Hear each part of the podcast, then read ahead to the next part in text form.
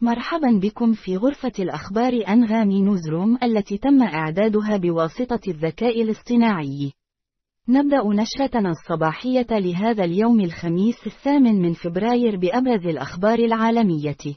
في عالم العلوم، العلماء يكشفون أن سلوك الحشرات حول الضوء ليس عن جذب، بل يشبه أكثر العس إلى اللهب.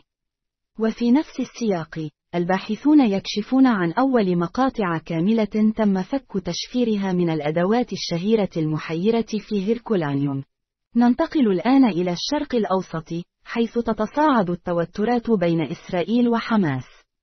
يتم تقديم اقتراح لإطلاق سراح الرهائن في غزة ووقف إطلاق النار المستمر. ومع ذلك، يصف نتنياهو مطالب حماس بشأن الرهائن واتفاق وقف إطلاق النار بأنها أوهام.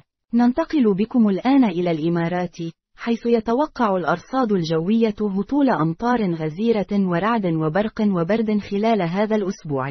في عالم الأعمال، الصين تعين رئيسا جديدا للهيئة التنظيمية للأوراق المالية بعد انهيار السوق الأسهم.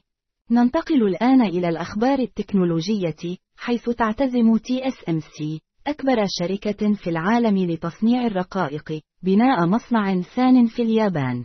وأخيرا في الأخبار الرياضية، يقول الشاهد على التنشيط غريغوري رودشينكوف، أصبحت العلم الروسي والأناشيد رموزا للقتل والاغتصاب.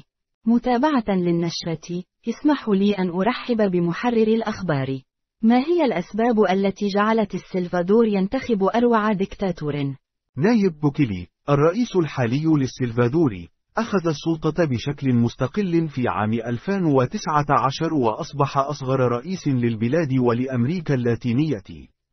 تحت حكمه، تم سجن أكثر من واحد في المئة من سكان السلفادور ونجح في تحقيق تحسينات في مجال الأمن، مما جعله يحظى بتقدير واهتمام قادة أمريكا اللاتينية الآخرين.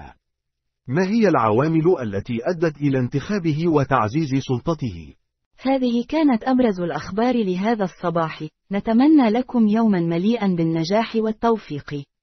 نشكركم دائما على استماعكم ونوصيكم بالاستماع إلى أغنية يا أغلى من الروح للفنان ماجد المهندس على أنغامي.